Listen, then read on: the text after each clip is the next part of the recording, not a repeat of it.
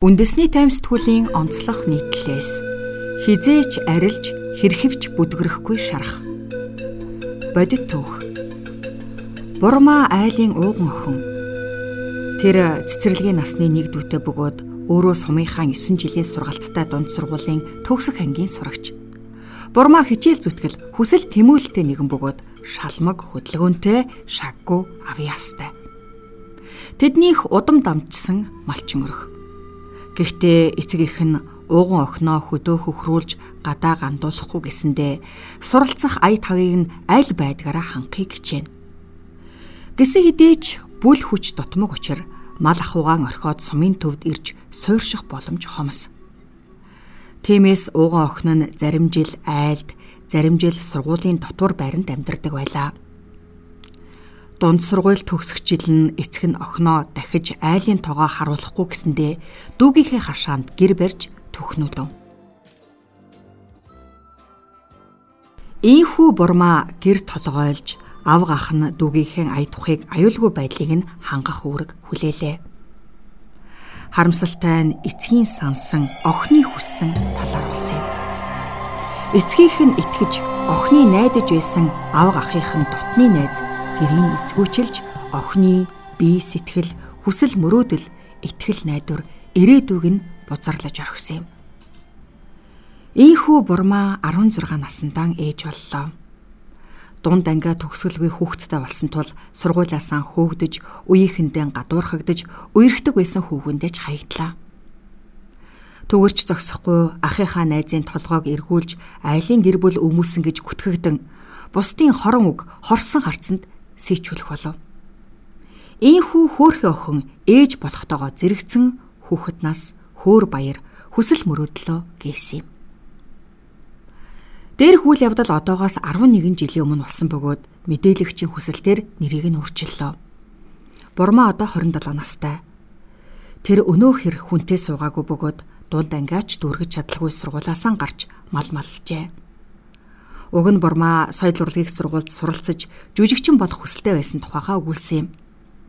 Мартаж чадахгүйч санаж зүрхэлдэггүй алсарсан мөрөөдлийнхээ тухай тэрээр үеийнхэн амжилттай явааг харахаар зүрх шимширдэг. Атаархсандаа биш шүү. Би ч тэдний шиг гялцаж болох байсан гэж бодохоор хитрхи харамсалтай хөөх хилдэг санагддаг. Аав ээж хоёр маань хүүхдээ үлдээгээд хот хүрээ ор гэж ятгадагч хүн чин цагаа тулахаараа үрдээ хүлэгдчихдэг юм билээ. Эцэг эхэгээ мөн ч их зовоосондоо миний туулсан амьдралыг өөр нэгч эмхтэй бүү үзээсэ гэж чин сэтгэлээсээ хүсдэг гэж ярьсан юм. Хөөрхөн эмхтэн хувь тавилан хүсэл мөрөөдлийг булангартуулсан өнөөх итгээд ямар ч ял шийтгэл аваагүй бөгөөд түүний ихнэр хадмууд нь нялх биетэ бяцхан бурмааг цөөнгөө жил дарамтлж даапалжээ. Түүнчлэн хүүхдээ эцэгтэй нь уулзуулахгүй насан туршдаа өөрөө тижээн тэтгэж өсгөнө гэсэн амийг нь албан ёсоор аваад аль болох зайтай амьдрахыг шаардаж тулгасан талаар хэлж байлаа.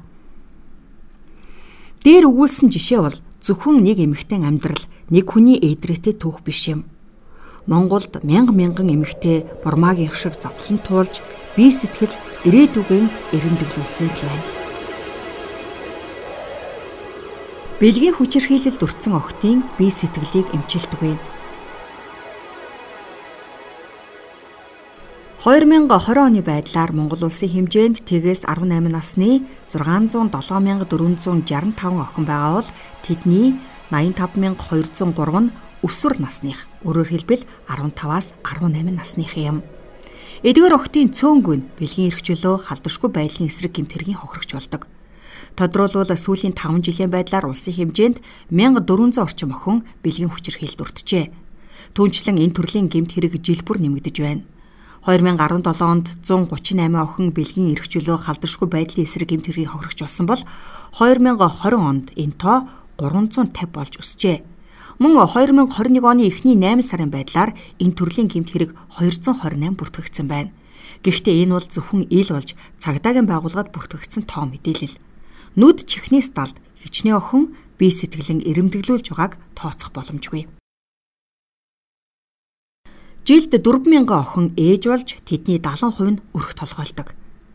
Огт эрхийг хамгаалах гүнж төвөөс хийсэн судалгаагаар жилд 4000 орчим өсвөр насны охин хүүхэд төрүүлдэг байна. Түнчлэн статистик мэдээллийн нэгдсэн санд байршуулсан мэдээлэлээс харахад мянган төрөл тутмын 30 гаруй хувийг 10-аас 19 насны жирэмслэлд эзэлж байна. Хамгийн харамсалтай нь тэдний 70 гаруй хувь нь өрх толгоолж хүүхдээ ганцаараа өсгдөг. Өөрөөр хэлбэл хүүхдээ төрүүлж байгаа охтын дийлэнх нь хүсээгүй жирэмслэлт хүчирхийллийн золиос олж байгаа юм. Түүнчлэн өсвөр насндаа хүүхэд төрүүлсэн охид эрүүл мэнд, нийгэм, эдийн засаг, сэтгэл зүйн олон бэрхшээлтэй тулгардаг. Гэтэл тэднийг нийгэмшүүлэх, бие сэтгэл зүйн эрүүл мэндэд анхаарах нэгдсэн бодлого дутагдaltaй байна. Нэгдсэн үндэсний байгууллагаас эмэгтэйчүүдийн ялгуурлан гадуурах бүх хэлбэрийг устгах, жирэмсэн охтыг сургуульд нь өргөжлүүлэн суралцуулах, залуу эхчүүдийг төрсний дараа буцаан нийгэмшүүлэх арга хэмжээг авч хэрэгжүүлэх зөвлөмжийг манай улсад дэрүүлсэн байдаг. Гэхдээ дээрх зөвлөмж дөрвтэй хэрэгжиж тодорхой ажил бололгүй өгнөг хүрчээ.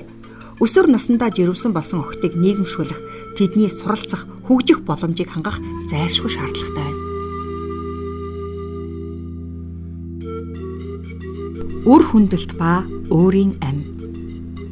Энэ оны байдлаар хүүхдтэй 5000 орчим өсвөр насны охин байна.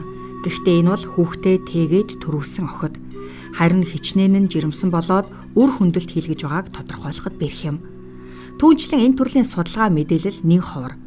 Үр зулбуулах эмийг хууль босаар буюу гар дээрээс худалдаалдаг үзэгдэл өнөөхөр нь бий зах худалдааны төвүүдээс болон цахим хуудасаар дамжуулан үр зул буулах баталгаагүй хямд үнэтэй ийм худалдаж авч ахуй хүрээнд хэрэглээд амнаас эрүүл мэндээрээ хохирох тохиолдол цөөнгүй гардаг. Түүнчлэн зөвшөөрлгүй эмнэлэгт үр хүндэлт хийх тохиолдолд илбэг. Ийхүү тусгай зөвшөөрлгүй хувийн эмнэлэгт үр хүндүүлсэн болон гар дээрээс үр хүндүүлэх им авч хэрэгэлсэн эмэгтэйчүүдийн тоо мэдээллийг хянах боломжгүй. Энэ талаар нийслэлийн эрүүл мэндийн газрын их барих эмэгтэйчүүдийн тусламж үйлчилгээ хариуцсан мэрэгжилтэн октябр хэвлэлд мэдээлэл өгчээ. Тэрээр үр хөндүүлж байгаа эмэгтэйчүүдийн 50 гаруй хувь нь 25-аас доош насныхан байна. Зөвшөөрөлтэй эмнэлэгт өдөрт 40-оос 50 эмэгтэй үр хөндүүлдэг. Харин зөвшөөрлгүй эмнэлэгт хичнээн эмэгтэй үр хөндүүлж байгааг мэдэх боломжгүй. Энэ нь маш эрсдэлтэй. 2019 онд 20 их эндсний 5 нь үр хөндөлтийн улмаас амиа алдсан. Тиймээс энэ асуудлыг бодлогоор зохицуулах цаг болсон гэсэн юм. Өсвөр насны охид бэлгийн замын халдварт өвчнөөр өвчлөх тохиолдол илбэг. Өсвөр насныхан бэлгийн замын халдварт өвчний халдвар ах тохиолдол буухгүй байгаа нь зайлшгүй анхаарах шаардлагатай асуудал юм. Бэлгийн замын халдварт өвчнөөр өвчлөхсдийн 30 гаруй хувийг 15-аас 19 насныхан эзлэж байна.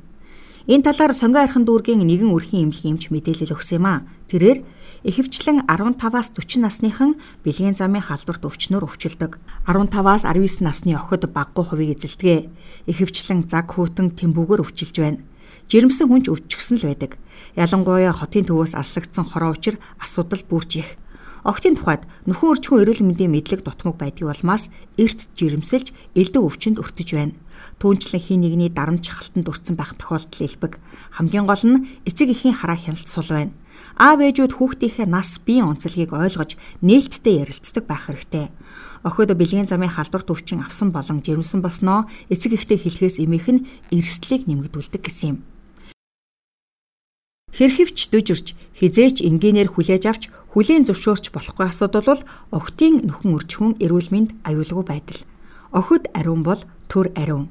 Энэ зөвхөн тусгаар тогтнол цус ясны асуудал биш юм эрүүл нийгэм, эрүүл иргэн, эрүүл ирээдүг бүтээхийн тулд огтоо хамгаалах зайлшгүй шаардлагатай